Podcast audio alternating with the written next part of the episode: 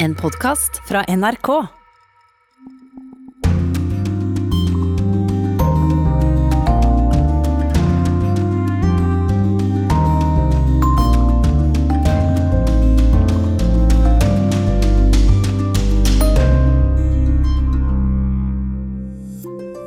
Må president Donald Trump bøye unna og utsette gjenåpningen av USA. Over en halv million mennesker er registrert smittet av koronaviruset der, og antall døde nærmer seg 19 000. Storbritannias statsminister Boris Johnson er på bedringens vei, men hva er tilstanden for resten av landet? Sverige håndterer koronaviruset annerledes enn andre land. Forfatteren Elisabeth Aasbrink tror Sverige er fredsskadet. Är det möjligtvis så att den psykologiska krisberedskapen är lägre i Sverige? Det är ett land som har varit förskonat från naturkatastrofer, revolutioner, från krig. Många känner att ingenting kan hända här, för det har inte hänt. For 100 år siden herjet også en pandemi og tok millioner av liv. Spanskesyken. Da krigen var over, tok soldatene sykdommen med seg hjem. Og verden over samlet folk seg i glede over freden. Men så kom altså en sykdom som skulle ta flere liv enn det hele første verdenskrig gjorde. I Urix på lørdag skal vi høre om antibac i vinkartonger i Frankrike, og frykten for at Latin-Amerika kan bli det nye episenteret for koronasmitte. Korrespondentbrevet er fra USA-korrespondent Veronica Westrin i hennes koronaeksil i Kragerø. Her i studio denne lørdagen, Øystein Heggene har besøk på behørig avstand, Halvard Sandberg. God formiddag. Takk for det. Du har oppdatert oss i mange og lange direktesendinger på TV om koronaviruset. Nå er det altså innom Urix på lørdag. Det er tre måneder siden Kina kunngjorde det første koronadødsfallet. Mye har skjedd på den tida. Men hva er det mest optimistiske du ser nå, og det mest pessimistiske? Det mest optimistiske jeg ser nå, det er selvfølgelig noen uh, grafer. Og det viser den sosiale distanseringen i Europa og effekten av den. Der er nesten alle land er under dette magiske tallet R. Det er ifølge Imperial College i London og deres uh, covid-19-modell, som det er grunn til å stole på. Så nesten alle land i Europa har da Da blir det færre smittet i dag enn det var i går, og da er smitten på vei ned. Det er veldig optimistisk. Og når det gjelder USA, så er det noen uh, smartinger som uh, for lenge siden begynte å dele ut termometere som var koblet til internett. Det betyr at du tok temperaturen din, og så automatisk ble det sendt til en sentral. Og på den kan vi se det at det er nedadgående med feber i nesten hele USA. Det er mye av det, for det er mye covid-19 i USA, men det er nedadgående over nesten hele fjøla. Det er noen små varme områder inne i midten av Trump-land hvor det faktisk eh, øker fortsatt, men nedadgående. Nå skal ikke jeg drive på med pessimisme, men begge disse tingene er jo positive. Ja, ja, dette var i den positive sekken. Eh, jeg kom ikke til det negative. Jeg glemte meg selv. Det som er det negative, er alle de rapportene fra alle mulige land om ungdommer og voksne som holder fester, som politiet må jage innendørs. Alle de der såkalte smittebruddene som foregår. At det er mangel på ja, hva på å si, disiplin jeg kan ikke bruke si. Men altså folk som prøver å leve livet sitt, og det all ære til dem, men ikke akkurat nå. Ehm, fordi at det, hvor lengre det foregår slike ting som sprer smitten, hvor lengre tid tar det før du kan starte et normalt liv igjen? Det er budskapet fra ekspertene, som det er veldig bekymret for. det. Jeg kan hvis jeg får det, Statens seruminstitutt har nettopp tvitret rådet fra altså, det, altså Danskene som er i ferd med å åpne opp, så tar altså smittevernekspertene i, i Danmark og retvitrer en fra Verdens helseorganisasjon nå. Norge gir 100 må være veldig, veldig forsiktig med å gjenåpne for tidlig, for da kan det gå lite i dårlig, sier Verdens helseorganisasjon. og lite det i har da forhold til hva de som trengs. Det er til og med mindre enn hva Bill Gates har lagt på bordet. Da ga du meg stikkord til. USA, for der er det også Kanskje nettopp dette spørsmålet om å åpne Norges eller ikke gjenåpne. Over 2000 korona. amerikanere har det siste døgnet dødd som følge av covid-19. Mer enn en halv million er smittet. I går hørte vi om massegraver på Heart Island i New York der koronadøde uten slekt og familie blir gravlagt. Anders Magnus, NRKs USA-korrespondent, du er for tida i Bergen nå pga. denne koronaen, selvfølgelig. Og er det fortsatt mest pessimistiske nyheter fra USA, eller henger du på den litt optimistiske bølgen til Halvard her? Nei, dessverre så eh, tror jeg ikke jeg kan være så eh, optimistisk som Halvard her. Det er noen få eh, lyspunkt. California gjør det ganske bra, selv om de har fått en veldig sterk oppblomstring av smitte blant hjemløse. I New York så ser vi jo kanskje en viss utflating, men de har en veldig lang vei å gå. Og når det gjelder eh, disse målingene med eh, termometer, så tror jeg nok ikke de er så utbredt blant de fattigste. Og det er særlig de fattige eh, i sørstatene som nå er sterkt utsatt. Der er det mange som har overvekt, diabetes, høyt blodtrykk, hjertesykdom og røyking er også utbredt. Og det er disse statene vi nå kommer til å få se Eh, ganske ille tall fra. Og her er det også veldig mye religiøs aktivitet.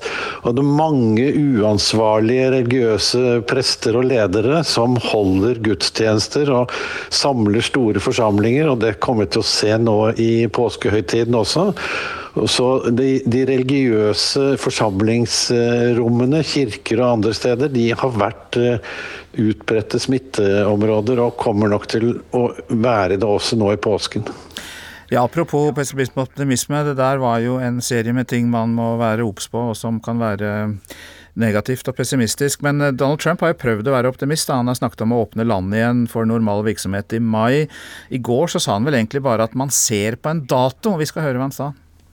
We're looking at a date. We hope we're going to be able to fulfill a certain date, but we're not doing anything until we know that this country is going to be healthy. We don't want to go back and start doing it over again. Ja, er det slik, Anders Magnus, at Donald Trump nå ser at det blir en lang kamp? Vi håper det. Eh, det er eh, flere ting som taler eh, i litt forskjellige retninger her. Det ene er jo at han nå har nedsatt en, eller skal nedsette en ny arbeidsgruppe for å få økonomien i gang igjen. Og da kan vi jo risikere at det blir en økt maktkamp innad i Hvite hus mellom denne arbeidsgruppen og den som steller med helsespørsmål, hvor bl.a. dr. Anthony Fauci er med. Og han har jo sagt det samme som eh, ekspertene i Danmark sa, at åpner du for mye opp nå, så kommer det til å komme en ny kraftig bølge senere i sommer. Og det er ikke bra. Han sier at eh, normalitet kan vi ikke forvente før kanskje ut i november.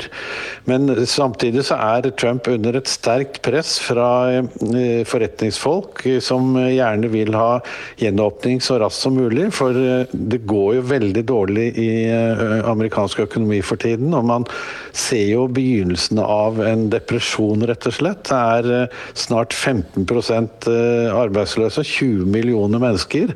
Så, så det, er, det er mye press i den retningen også. Så det kommer til å bli en kamp mellom de som vil eh, sette i gang økonomien igjen, og de som vil eh, hindre eh, at det skjer, fordi de da frykter at man ikke klarer å bekjempe viruset. Mange takk skal du ha, USA-korrespondent Anders Magnus. Nå til Storbritannia, der helseminister Matt Hancock hadde gode nyheter om den koronasyke statsministeren Boris Johnson.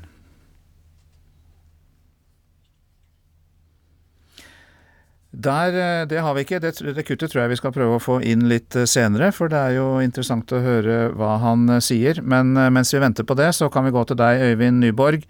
Du er jo fortsatt i Storbritannia og ikke kommet til Norge pga. koronaen. Hvordan er helse... Vi skal høre om Boris Johnson etter hvert, men hvordan er helsetilstanden til landet for øvrig? Det er en eh, veldig alvorlig situasjon med nesten 1000 døde hver dag som går nå. og Det er eh, trailere med kjølekonteinere som blir kjørt inn til eh, sykehusene, og særlig også det midlertidige feltsykehuset som er bygd ved Docklands ved Themsen, som, som huser 4000 pasienter der. Og I disse konteinerne så stabler man nå døde kropper i, i høyden. Og Det er jo også ekstra hjerteskjærende at folk ikke får muligheten til å, å være der eh, under sine kjæres eh, siste timer. Og så er det en annen ting som jo også Anders Magnus var eh, inne på, som er situasjonen her. Økonomien stuper, og den ser ut til å altså Bruttonasjonalproduktet ser ut til å ville stupe med 14% nå i det kvartalet vi er inne i. og det, det fører til mye fattigdom, det som skjer nå. og Det fører til sykdom og, og død i et land som er eh, mye mer preget av en forskjell på rik og fattig enn det vi f.eks. er vant med eh, fra Norge. Uh, og så ser vi at tallet på nyinnleggelser er høyt, men at det er tegn til at det flater litt ut. helsemyndighetene sier at det er fortsatt en alvorlig situasjon. Og det er altså ingen tegn til at portforbudet her oppheves, og f.eks. at skoler og butikker åpner igjen før tidligst eh, i juni. Vi eh, kobler deg på Halvard Sandberg og ber Øyvind Nyborg fortsatt være med oss. Hvordan ligger Storbritannia an sammenlignet med Europa for øvrig? Storbritannia ligger ikke godt an, men de har gjennomført eh, tiltak som de vil få betalt for om ikke så veldig lenge. Det vil komme en utflating i Storbritannia. Om den utflatingen eh, kommer i morgen eller om den kommer en uke, så betyr det veldig mye for hvor mange som til slutt kommer til å dø av dette her. Det som Storbritannia og Frankrike og de andre landene ennå ikke har eh, kommet fram til, er hvordan de skal komme seg ut av dette her.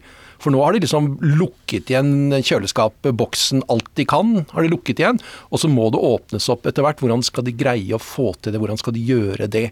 Det, det er kanskje det som tårner seg som det store problemet for Storbritannia fremover. Men det, det kommer til å gå riktig vei i ukene som kommer. Det er jo nettopp en utfordring for den mannen vi skal høre nå, helseminister Matt Hancock, og ikke minst den mannen han snakker om, statsminister Boris Johnson. I'm very happy to report that the Prime Minister's condition continues to improve. He wants to personally thank the whole clinical team at St Thomas's for the incredible care that he's received. Øyvind Nyborg, hva er det statsministeren har gått gjennom? Altså Faren hans har rett og slett eh, sagt at familien har vært redd for at Boris Johnson skulle dø. Så det er klart at dette her har vært eh, alvorlig. og På torsdag så ble han jo overført fra intensiven til vanlig sykehusseng. Eh, han har vært oppe av senga, snakket med leger og sykepleiere. Og så har han Vi vet at han har sett på den klassiske britiske kultfilmen 'Whitnell and I', og det er jo et godt tegn. Han løser noen sudoku-oppgaver, og han har fått hilsener fra sin gravide kone Keri Simons. Eh, hun venter jo barn eh, med ham om to måneder og har sendt ham bilder fra ultralyden osv. De to har jo ikke sett, sett, hverandre på en stund. Så Johnson har altså kviknet til. Men det han har vært igjennom gjør at det vil ta lang tid, kanskje opptil en måned, før han er 100 og så har jeg lagt merke til at man har lagt eh, partipolitikken til side her. Altså, han har jo fått veldig mye støtte fra alle kanter, også opposisjonsleder Keir Sturmer, som er den nyvalgte lederen av Labour, som vi faktisk ikke har hørt så mye om i det siste, selv om han er nyvalgt pga. koronaen. Ja, og det er klart at uh, det er uh, mange lykkeønskninger, og det kom jo også fra det store utland. Donald Trump har vært en av de som har vært tidligst ute med å sende mm, lykkeønskninger til Boris Johnson. Eh, så mm, det er klart at eh, dette samler, men samtidig så har det vært, eh, og er, et eh, betydelig maktvakuum nå, som, eh, som en følge av at Boris Johnson ikke kan lede regjeringen. Dominic Raab han blir ikke sett på som en veldig sterk person med veldig sterke lederegenskaper, og det er jo også noen begrensninger på hva han kan gjøre. F.eks. hva han vil gjøre med med Robert Jenrick, eh, som eh, jo sitter i regjeringen som en slags sosialminister med ansvar for husbygging, som er knepet i å reise veldig langt ut av London til sitt landsted for å være der med familien, mens han samtidig, og det kort etter at han har stått på talerstolen og bedt folk å holde seg hjemme. og Det er jo sånne ting som, som Dominic Raab altså Hvis Boris Johnson hadde vært i statsministerstolen, så, så tipper jeg at han hadde gitt gitt ministeren sparken, men det er sånne ting Dominic Raab ikke kan gjøre nå. Takk skal du ha, Øyvind eh, Nyborg. Eh, Halvard Sandberg, nå har vi fått eh, rapporter fra Storbritannia og USA. Og det er jo ikke uten grunn. Det er vel kanskje der fokus er sterkest på nå. At de er hardest rammet før vi eventuelt får en oppblomstring, dessverre kanskje i, i utviklingsland. Ja, utviklingsland kan få en oppblomstring. Nå må vi se om dette viruset er en sånn sesongvirus, det vet vi ennå ikke. Om den, når det er økende varme, at det gjør noe med smittespredningen. Det, at, at, det brenner ut, som man sier? At det brenner ut. Ja, brenner ut er også når veldig mange har blitt smittet, så det når det ikke frem til flere folk som kan ta imot viruset. Det er også en del av brenne ut. Men det å brenne ut eh, f.eks. influensaen her i Norge, eh, der skjer det noe når det begynner å bli varmere eh, og kanskje litt tørrere. At det, ikke sprer seg noe særlig. Så da er vi ferdig med den. Det kan hende at vi ser det samme her. Utviklingsland, det vi ser nå, er jo at det er sannsynligvis mye mer smitte enn det som vi greier å avdekke, fordi at det er manglende testkapasitet. Altså, Du ser jo ikke zombiene som er i rommet sammen med deg, hvis du ikke slår på lyset. Og det er mange land som ikke har slått på det lyset. Og så er det det at eh, ja, eh, det slår jo ut veldig gamle mennesker først og fremst, eh, dette her. Og det er mye sykdom allerede i utviklingsland. Så mange tilfeller kan forsvinne i det som kalles støyen. Det høres stygt ut å si at det er støy med sykdom, men det er faktisk slik. Så eh, det bildet vi har fra utviklingsland, det tror jeg faktisk kanskje vi ikke vil få fullstendig før forskerne har spist seg gjennom de haugene med data som kommer, om noen år. Og så til vårt nærmeste naboland, til eh, Sverige, som jo har vært eh, annerledeslandet, har håndtert koronaviruset annerledes enn andre land. Færre tiltak som begrenser folks bevegelsesfrihet, og også når det gjelder begrensninger av landets eh, økonomi. Hvordan vil du si erfaringen er så langt? Erfaringene virker jo skremmende fordi at det har vært så mange døde. Og det er fordi at de har hatt veldig Ja, det har vært synd, men har, smitten har nådd fram til ganske mange sånne sykehjem, da, særskilt boende, som det heter i Sverige. Og derfor ser vi mange, mange døde.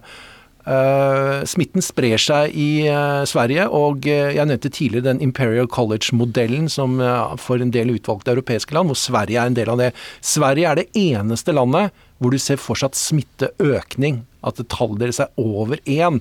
Og det er ikke bra for en, eh, for en smitte som øker eksponentielt, som heter det flotte ordet.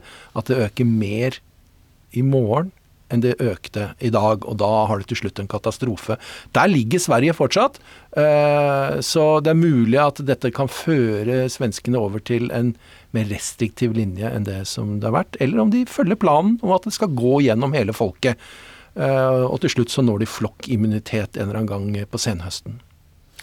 Det blir veldig interessant dette med Sverige, og vi gir oss ikke med Sverige fordi vi er nysgjerrige nettopp på dette annerledeslandet. Og for å hjelpe oss med å forstå, så har jeg snakket med den svenske forfatteren og journalisten Elisabeth Aasbrink. To av hennes bøker er utgitt på norsk. I en av dem, og fremdeles står trærne i Wienerwald, blir Ikea-gründer Ingvar Kamprads nazifortid blottlagt. Hun er altså kjent for å ha skrevet boken om nettopp det, og hun har vært tidligere leder av den gravende journalistikken i Sveriges Televisjon, i redaksjonen Uppdrag granskning. Og nå skriver Aasbrink i kommentarer i avisa Dagens Nyheter, og det er i en av de siste kommentarene om koronaviruset, hun skriver at Sverige er fredsskadet. Jag har lånat det begreppet från en överlevare från förintelsen, Georg Klein. Han var tumörprofessor och författare. Och han var ungersk jude precis som min far, jag kände honom lite grann. Och han fick en gång frågan han hade uttalat sig om att svenskarna trodde människor om gott och förväntade sig inte några onda saker från världen så sa han att Sverige var fredsskadat. Och då då har jag lånat det begreppet därför att plötsligt blev det relevant. Vi befinner oss i en kris, den är internationell, den är global.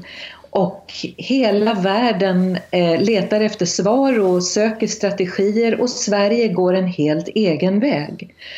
Eh, nu kan ingen säga om det är rätt eller fel väg ännu. Men jag undrade mycket över varför fanns det ingen debatt? Varför ifrågasattes inte detta när hela världen frågar vad sysslar Sverige med?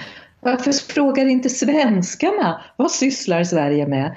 Så jag började fundera på, är det möjligtvis så att den psykologiska krisberedskapen är lägre i Sverige? Det är ett land som har varit förskonat från naturkatastrofer, revolutioner, från krig. Är det, jag, jag får en, en, en känsla att många känner att ingenting kan hända här, för det har inte hänt.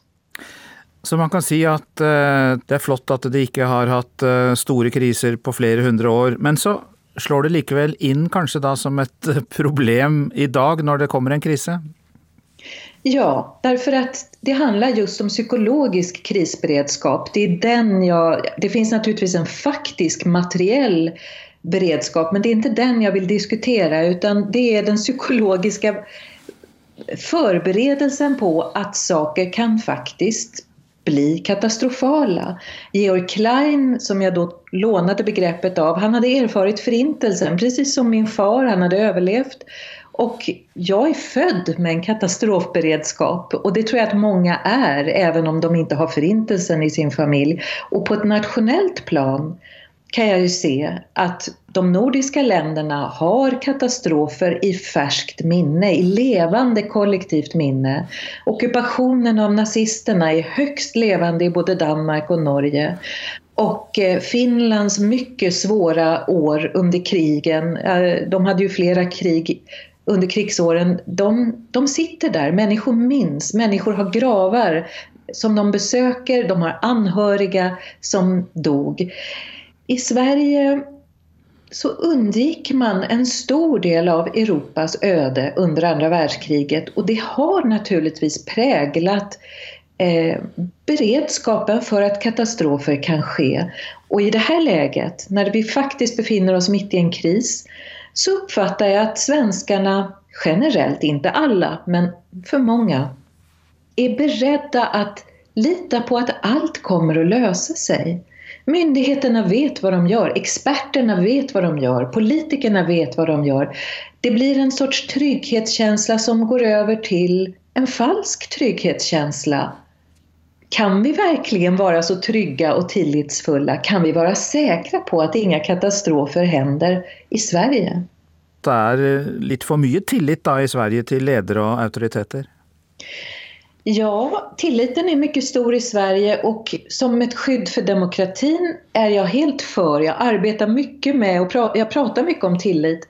Men man kan också dölja en passivitet och kalla det tillit. De gamla människorna i Sverige nu råkar väldigt illa ut av det här viruset och ska vi ändå kalla det tillit och säga att myndigheterna vet vad de gör? Det finns en gräns när detta som vi kallar tillit blir någonting annat.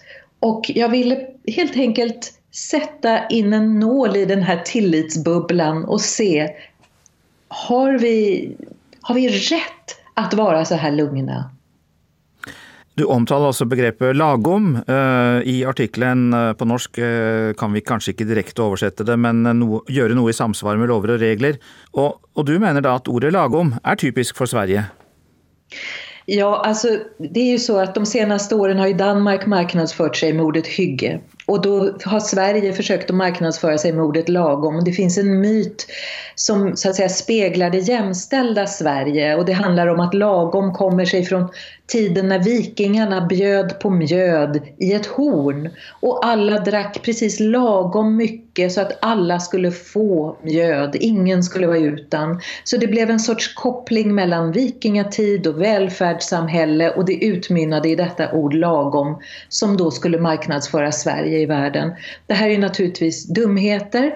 Det är ett gammalt ord som som betyder just det, att följa lagen, att göra saker enligt lagen. Och ja, det är nog typiskt svenskt, därför här finns en stark tradition att först sätter vi oss ner och beslutar hur saker ska gå till och sen gör vi som vi har bestämt. Och det är en fin tradition. Jag, har, jag tycker om den, den ger stabilitet, eh, den bygger på konsensus, det är grunden för en demokrati. Men det säger någonting också om att svenskarna är ganska vana vid konformitet. Det här blir ju generaliseringar, men om, om vi nu ska generalisera så finns det en, en, en stark tradition i Sverige av centralstyrning, av en stark statsmakt och generellt en tradition av att svenskar gör som myndigheter säger.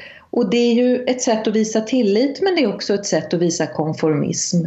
Och ordet lagom passar in i hela den eh, analysen. Mm. Frykter du at eh, måten man håndterer koronakrisen på kan få katastrofale følger i Sverige? Jag är väldigt rädd för det, ja. Och vi har ju just nu eh, i Sverige smittan inne på ett stort antal äldreboenden. Just i ett läge när strategin ska gå ut på att skydda de äldre så är det de äldre just nu som råkar väldigt illa ut. Så jag är mycket oroad, ja. Och jag...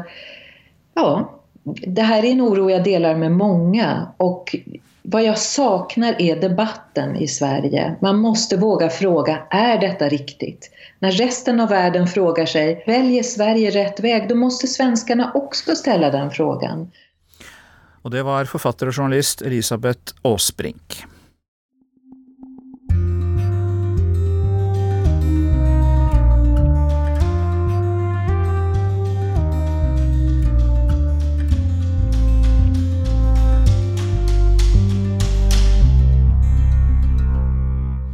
Du lytter til Urix på lørdag.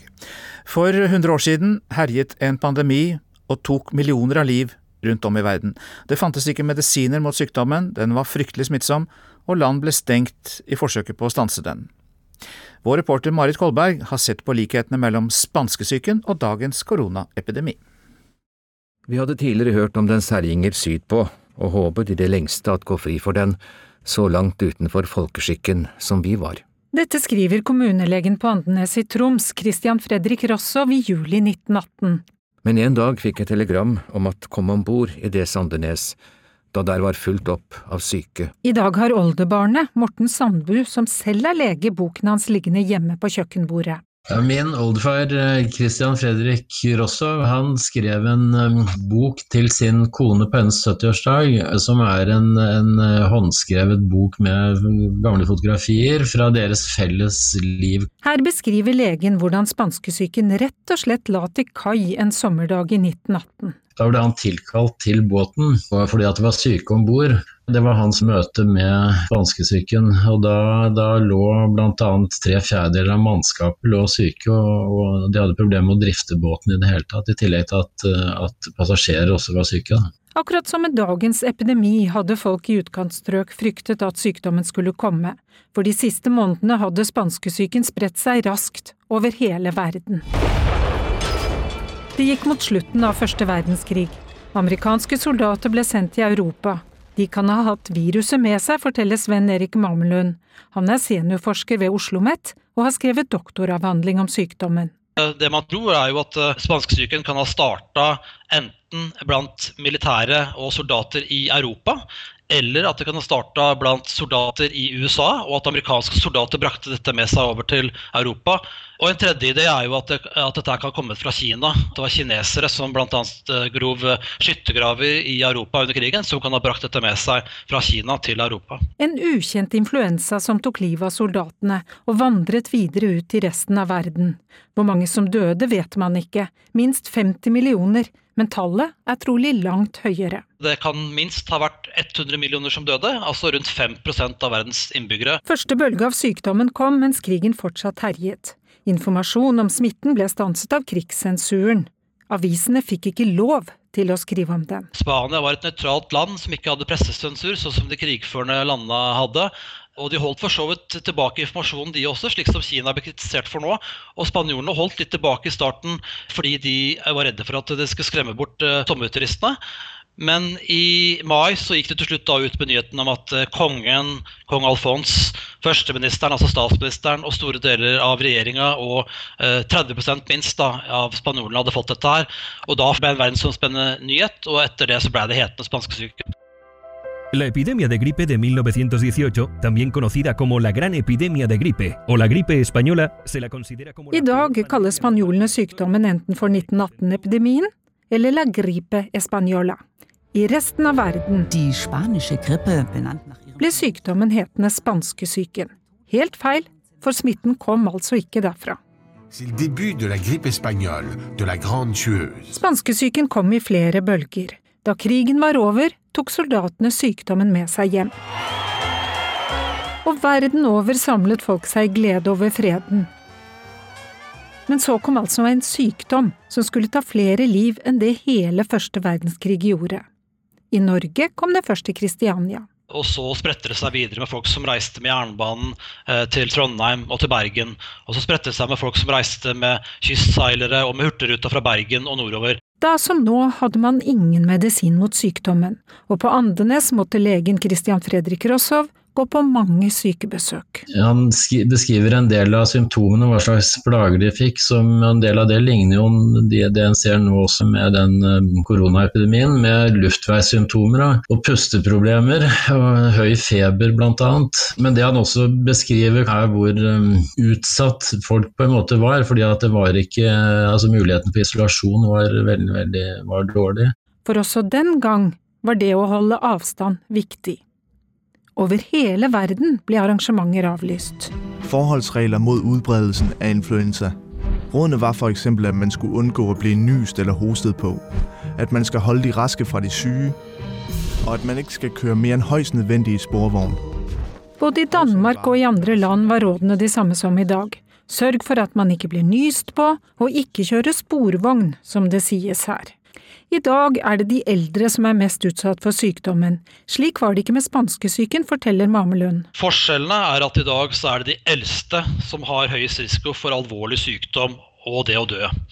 I 1918 så var det de unge voksne, personer mellom 20 og 40 år, og særlig de akkurat rundt 30 år, som var eh, mest utsatt både for sykelighet og for dødelighet. På Andøya hadde kommunelegen sett at de syke burde isoleres fra de som var friske. Og folk lå rundt i rorbuer og dels i hjemmene, som også til dels var trange. Da. Så at de ble veldig utsatt, og hele familier kunne bli syke. Et lokalt Røde Kors-lag ble etablert. Så han som han skriver at han satte i gang et voldsomt sånn propagandaarbeid og begynte å samle inn penger på basarer og fikk på en måte lokalbefolkningen med på dette her. Så i løpet av noen få år, to-tre år, så fikk de bygget opp en sykestue som ble åpna i 1923.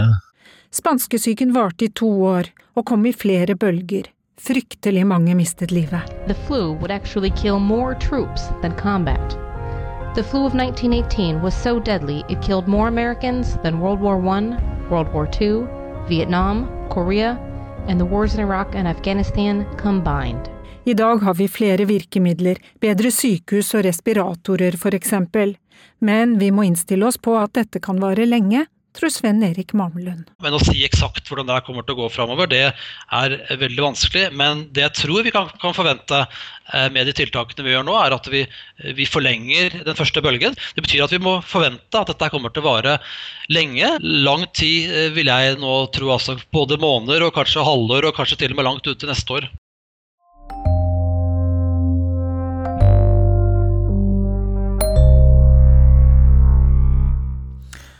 Håndsprit er viktig i koronaens tid, i Frankrike er det stor mangel på det, og det er jo også da et av landene som er hardest rammet.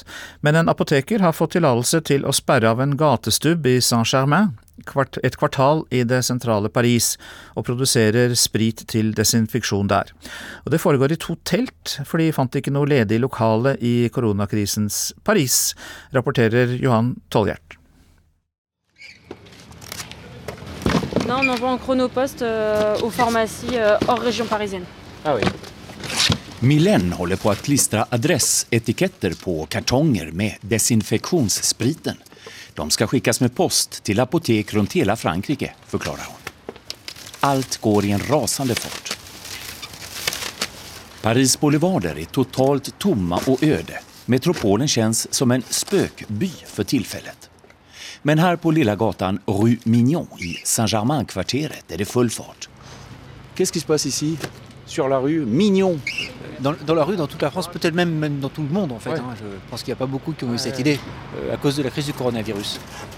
Vi har Frankrikes enda fabrik ute på gatan, förklarar Fabien Bruno, apoteksägare till Pharmacie Delpech strax intill. Det är han som ansvarar för handspritstillverkningen här och han har till och med fått polismyndigheternas tillstånd för detta. Il faut oser, mais euh, on a eu, euh, on a eu euh, une tolérance et une aide de la préfecture de police. Jag ser ett 20-tal personer som intensivt producerar, förpackar, lastar och tar emot kunder. Det råder enorm brist på handsprit i Frankrike. Apotek, läkare och privatkunder beställer upp till 10 000 liter desinfektionssprit här per dag. Och det är vi kapabla att producera, intygar Sebastian. Men det finns andra hinder. Entre euh, aujourd'hui, on va faire entre 8000 et 10 000 litres. Ouais. Le, le transporteur pour l'instant n'est pas capable d'absorber l'expédition. Många lastbilschaufförer är sjuka i corona. Därför kan vi bara sända 500 liter dagligen, berättar han. Jag pratar med kunden och apotekaren Romain Giraud. Bonjour, je viens de Radio Norvège Oslo. Est-ce que je peux poser une question Vous êtes apparemment client Pharmacien, exactement, oui. Vanligtvis tar det 90 minuter att köra 15 kilometer från min förstad söder om Paris in hit. 15 km 15, oui. Ça va vite, ces jours-ci. Hein. C'est même pas une demi-heure. Men då det i praktiken nu råder totalt utegångsförbud i Frankrike så tar det mig bara 30 minuter, säger han. Han betalar för 50 kartonger handsprit. Apotekschefens recept på antibac här baseras på Världens hälsoorganisation, WHOs, recept. Från lastbilarna lastas av etanol, isopropanol, glycerol, väteperoxid och sterilt vatten som man sen blandar ihop. Alors en fait, ici, on fabrique de la solution hydroalcoolique euh, selon la formule de l'OMS. Dessutom behövs förstås dunkar och flaskor. Men just flaskor är en annan bristvara i det krisdrabbade Frankrike, berättar han. Även där har man kommit på en lösning. Kan ni gissa vad man använder för förpackningar istället då? Jo, pappvinskartonger. Là, c'est le jardin des arômes, c'est du vin ça. oui, c'est ça. Les, les clients risquent de se tromper après. Non, je pense pas avec la formule dessus. euh. Pappvinskartonger är perfekt, tycker Sandrine. Vi har bara klippt av kranen och satt en antibac-etikett på kartongen istället. Nu kan ingen tro att detta är rödvin, skämtar hon. Non. Mais au moins, on se utile. Ja, det känns skönt att få skratta lite i dessa dystra tider. Sandrine jobbar gratis här. Vanligtvis är hon anställd på en resebyrå, som förstås är stängd nu. Det känns dock skönt att erbjuda lite solidarisk hjälp, säger hon. Bah, parce que pour le moment, mon activité est au ralenti et donc euh, je préfère aider plutôt que de rester à la maison à attendre que ça se passe. Av hygieniska skäl får jag inte gå nära stället där man gör själva blandningen av desinfektionsspriten. Unga Navi har extra skyddsmaskar och handskar på sig. Hon började jobba klockan åtta i morse och ska vara kvar till klockan 20. En lång arbetsdag. Je suis là depuis 8 heures du matin. Et vous restez jusqu'à 20 heures minimum. heures, Oui. C'est long, hein C'est long. I Frankrike råder just nu en stor stöldvåg mot ansiktsmasker, skyddshandskar och handsprit. Flera sjuksköterskor har blivit överfallna och måste nu ha poliseskort till och från sjukhusen. Och handspritsfabriken ute på gatan i Paris vaktas av polis, dag som natt, berättar Sébastien och pekar på ett par civilklädda poliser. C'est la sécurité, c'est tout, c'est qu'on fait surveiller.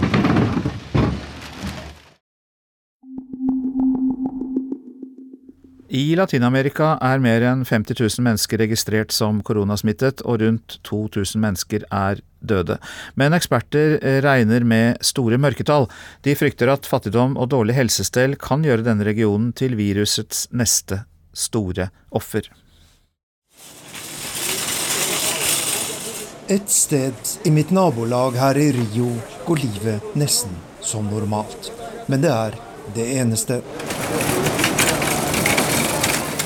De ansatte på det lokale supermarkedet jobber på spreng med å bringe inn nye varer til sine kunder. Og forsyningene fungerer, etter nærmere fire uker med koronatiltak. Folk holder avstand, og de aller fleste går stort sett bare ut for å handle mat. Vi må slå ned dette viruset, selv om det koster mye, sier den 28 år gamle Genes Brito, som er innom for å kjøpe det mest nødvendige. Koronaen er i ferd med å spre seg i våre største byer, og da må vi godta de strenge tiltakene som er innført, sier han. 75% av brasilianerne mener det samme, viser målingene. Men landets president er uenig. O virus chegou. Está sendo enfrentado por nós e brevemente passará. Viruset er her, men vi skal bekjempe det, og snart er det borte, erklærer president Jair Bolsonaro i en TV-tale. Det er feil å stenge landet fordi det ødelegger økonomien og gjør større skade enn viruset selv, sier han.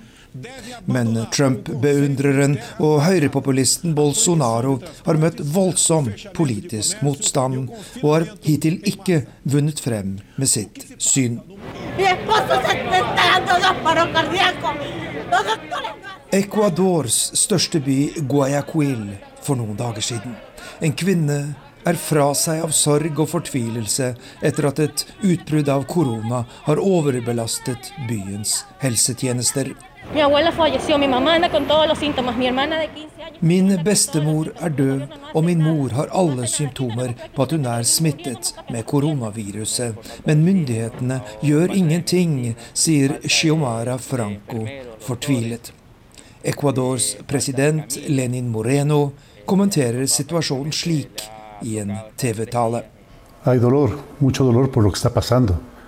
Vi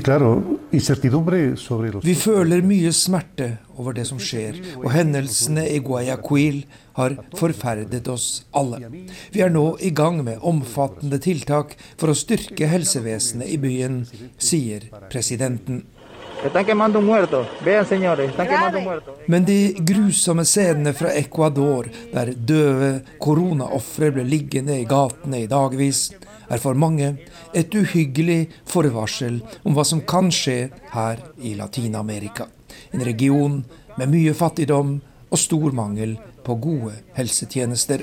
Bom, e os números do coronavírus não param de subir aqui Drøyt 50 000 mennesker er registrert koronasmittet i Latin-Amerika. Rundt 20 000 av dem her i Brasil. Og når høsten nå er kommet her på den sørlige halvkule, frykter ekspertene at tallene vil skyte i været. Brasilianske myndigheter tror smittetoppen vil komme først i juni-juli. Og det store spørsmålet er hvordan landet vil makte en så lang periode med tiltak. Reporter i Rio de Janeiro var Arnt Stefansen. Så tar vi med en melding som viser at seks av ti nordmenn er opptatt av hvordan koronaviruset sprer seg i Afrika. Norsk koronamonitor, som gjennomføres av Opinion AS, viser at et flertall av oss er opptatt av hvordan koronaviruset sprer seg der. Totalt 4677 nordmenn er intervjuet. Eh, kvinner er i større grad enn menn opptatt av koronaspredningen i Afrika, henholdsvis 67 mot 58% Det viser altså Norsk eh, koronamonitor.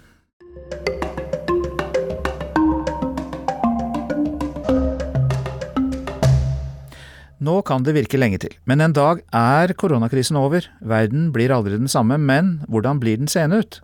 Den amerikanske statsviteren Joseph Nye som er professor ved Harvard universitet, tror verden vil lære å samarbeide bedre.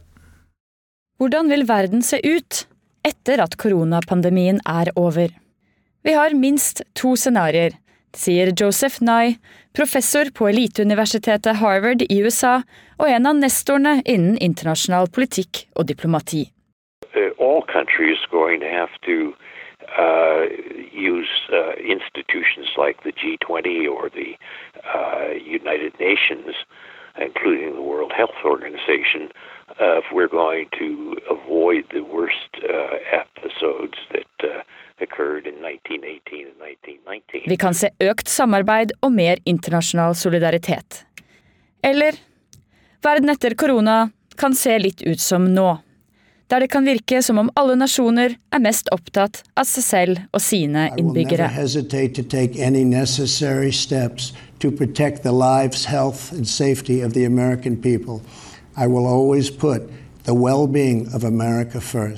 USA har en president som har styrt landet i over tre år med slagordet America First.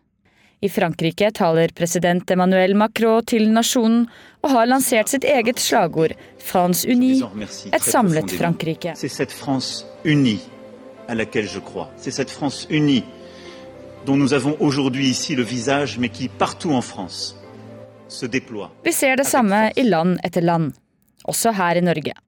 Regjeringen tar først og fremst vare på oss nordmenn.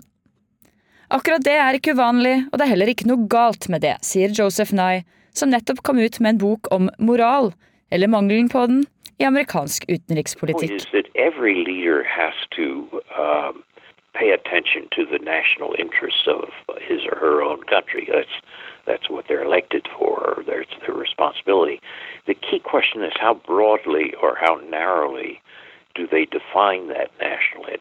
Det Joseph Nye håper på nå, er at verdens ledere skal forstå at det å bruke penger, tid og ressurser på internasjonalt samarbeid ikke er et nullsumspill, men noe alle tjener på. What we have to hope is that uh, uh, the U.S. and China, as the two largest economies, uh, will learn uh, uh, the lessons uh, and start preparing for uh, another round of this, which means uh, stopping the propaganda wars and reestablishing the networks of cooperation.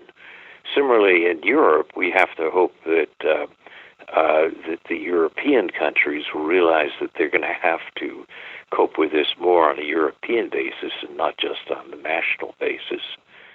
Nye er kjent for å stå bak begrepet soft power, myk makt, i utenrikspolitikken. Det handler om å få folk til å ønske å gjøre det du vil at de skal gjøre. USA, med Hollywood, populærkultur, musikk og sterke og høylytte sivilsamfunn, har tradisjonelt vært sterke på akkurat det. Men nå sliter de. At president Donald Trump slett ikke tok koronaviruset på alvor, har bidratt til å svekke USAs myke makt i verden, sier Joseph Nye.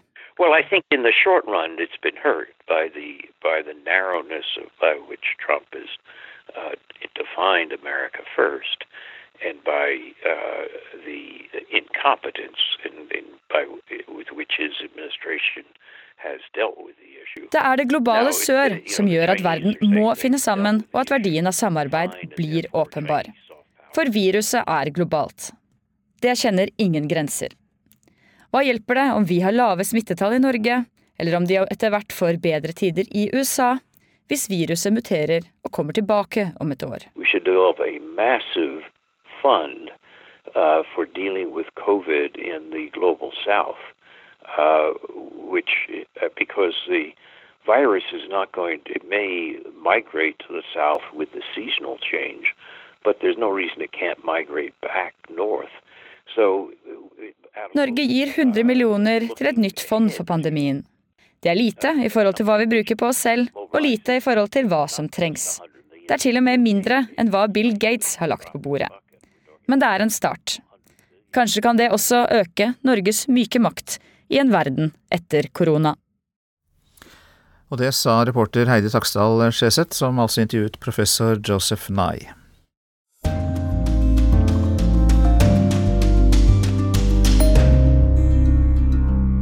Urix på lørdag er kommet fram til ukens korrespondentbrev. Det er fra USA-korrespondent Veronica Westrin, men er ikke postlagt i Washington DC.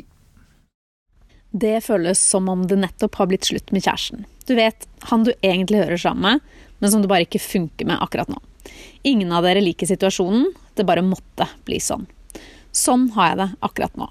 Jeg savner latteren, jeg savner klemmene, jeg savner det normale. I hui og hast måtte jeg reise fra mitt kjære USA. Det skjedde så plutselig. Sola skinte, det begynte å bli varmere i lufta. Det var begynnelsen av mars, og livet var ennå normalt. Kirsebærtreblomstringa kom rekordtidlig i år. Den er fantastisk, kirsebærtreblomstringa i Washington DC. Jakka ble bytta ut med T-skjorte, og grillen var for lengst henta opp fra kjellet. Jeg la planer for våren. Jeg skulle dekke nominasjonsvalg og lage reportasjer om sosial ulikhet og oppvekst i USA. Dette skulle bli høydepunktet i min korrespondentperiode. Aldri før har det amerikanske presidentvalget vært mer spennende. Synes i hvert fall jeg. Men Der har vi jo selvfølgelig forskjellige interesser, du og jeg. Det er bare en måned siden, men det føles så uendelig mye lenger siden. For så ble livet slik jeg kjenner det, snudd på hodet. For meg som for de fleste andre. Plutselig dreide alt seg om korona. Først kom den snikende redselen. For min del kom den nok litt tidligere enn eh, for mange andre. Jeg ble vel oppfattet som litt halvgal av dem rundt meg i akkurat den perioden. Jeg meldte meg tidlig ut av treningsstudio jeg var medlem av, og begynte å holde avstand fra folk, spesielt dem som hostet. Venninnene mine lo. Så gikk det tomt for antibac i butikken. Folk begynte å hamstre mat. De lo ikke like mye lenger. Så kom eh, det flere og flere rapporter om koronasmitte rundt oss. På skolen til barna eh, måtte flere barn holdes hjemme etter å ha vært i nærkontakt med koronasmittede. Hadde de vært på skolen før de fant ut av det? Spørsmålene var mange. Nå begynte også vennene mine å innse hva som var i ferd med å skje. Så stengte de skolene. Det ble raskt alvor. Antall smittede begynte å stige i USA. Dødstallene også. I skrivende stund er det over 10 000 døde der. Flere hundre tusener er smittet. Fra sykehusene kom rapporter om mangel på tester og etter hvert smittevernutstyr og respiratorer. Venner hostet og slet med å bli testet, eller å i det hele tatt få svar på testen de hadde tatt. Folk mistet jobbene, arbeidsledigheten steg, og krisepakker ble vedtatt. Vi begynte å vurdere hva vi skulle gjøre. Skulle vi bli eller reise? Vi bestemte oss for å bli. Vurderingen var at eh, med våre norske reiseforsikringer så var vi trygge. Men så kom beskjeden fra jobb. Vi vil ha dere hjem. Plutselig skulle vi dra fra alt og alle. Det var vanskelig. Vanskelig fordi vi har livet vårt i USA nå. Vanskelig fordi jeg har en jobb å gjøre. Samtidig skjønner jeg at de hjemme var bekymret. Flyene over Atlanteren blei færre og færre. Ingen visste når vi neste gang kunne komme oss til Norge. Og jeg vet hvor heldig jeg er. Vi tilhører de privilegerte. De som bare kan sette seg på et fly og reise til et land der det akkurat nå er mer kontroll på situasjonen enn i USA. Mange i USA har ikke den sikkerheten familien min og jeg har. For nok en gang er det dem med minst midler som rammes. Nettstedet Axios har beskrevet hvordan skillet mellom velstående og fattige amerikanere utspiller seg under koronakrisen. I USA har de velstående i større grad fortsatt betalt og kan jobbe hjemmefra, mens de fattige enten må risikere å reise til jobb eller miste den. Det er ikke bare en helsekrise, det er også en økonomisk krise. Og nok en gang rammes den afroamerikanske delen av befolkningen hardest. Den siste tiden har det kommet flere saker i media som viser at afroamerikanere dør oftere enn resten av befolkningen av koronaviruset. Rundt 30 millioner amerikanere har ikke helseforsikring. I tillegg har mange forsikringen sin gjennom jobben de har mistet. Jeg tenker på dem nå. Eller på dem med forsikring og trang økonomi. For selv om det er laget flere ordninger for å hjelpe amerikanere, er det langt fra alle som får den hjelpen de trenger. En student i nabolaget mitt fortalte meg at hun ville vente med å oppsøke legehjelp om hun ble syk, nettopp fordi hun var redd for kostnadene knyttet til det. Selv om du har forsikring, er det nemlig en egenandel å betale. En egenandel som ofte blir høy. Historien hennes er ikke enestående. Media har allerede skrevet flere saker om hvordan folk sitter igjen med kjemperegninger etter å ha måttet bli behandlet for koronaviruset. Jeg tenker tilbake på moren med en diabetessyk sønn som jeg intervjuet for få måneder siden. Eller den nybakte pappaen jeg intervjuet rett før jul, og som ikke hadde helseforsikring og ble avhengig av opioider fordi han ikke hadde råd til behandling og måtte medisinere seg selv. Vi slipper å bekymre oss for sånt. Samtidig endres også livene våre. Vi var den familien som hadde åpne dører, og som regel huset fullt av barn til alle døgnets tider. Nå er det slutt på playdates og sleepovers. Venninnegjengen til eldstedatteren har begynt å ha møter på Zoom. Jeg savner å sende barna på skolen. Og barnehagen. Jobben min. Plutselig er det hjemmekontor i Kragerø som gjelder. Lyden av ambulanser hørtes oftere og oftere i dagene før vi reiste. Likevel føltes det feil å dra. Dra fra nabolaget mitt, vennene mine. Jeg savner latteren, jeg savner klemmene, Jeg savner det normale. Hverdagen før koronaen. Reportasjereisene, møte med menneskene. Jeg savner å gå ut og spise med gode venninner, trene, åpne døra for naboene som banker på. Nå sitter vi plutselig hjemme i Norge, og debatten går for fullt om hytteforbud og et bilde tatt på Grünerløkka. Utenfor skriker måkene, sola skinner, vi får en ny vår, og det føles godt å være her. Jeg skal innrømme det. For selv om det føltes feil å reise, er det godt å være hjemme i et land der man vet at man får helsehjelp, uavhengig av størrelsen på lommeboka og hvilken forsikring man har, men basert på statsborgerskapet. Så var det kanskje ikke så dumt å havne i Norge nå likevel. Og vi har fått møte en bestefar som vi ikke hadde sett siden i fjor sommer. Vi har hilst på resten av familien og gode venner. Ikke med en klem, men med et vink gjennom et vindu. For selv om vi er hjemme, kan vi ikke leve som normalt. Ingen av oss kan det. Selv om vi alle rammes ulikt, har vi alle vårt. Og jeg, jeg vet at USA venter på meg. Og jeg kommer tilbake veldig snart. Håper jeg. Sa Veronica Westerin. Og vi tar med en melding om at Tyskland skal masseteste befolkningen for koronasmitte. Financial Times skriver at tyske helsemyndigheter ønsker å se hvor mange som er blitt immune mot viruset. Testing av antistoffer skal gi mer kunnskap om hvor mange som faktisk har blitt smittet, og hvordan viruset har spredt seg i befolkningen. Du har lyttet til Urix på lørdag. Ønsker du mer oppdatering om koronaviruset, kan du se vår TV-sending på NRK1, som også sendes på radiokanalen Alltid nyheter. Teknisk ansvarlig Lisbeth Sellereite, produsent Nicole Myhrer og i studio Øystein Heggen. Takk for oss.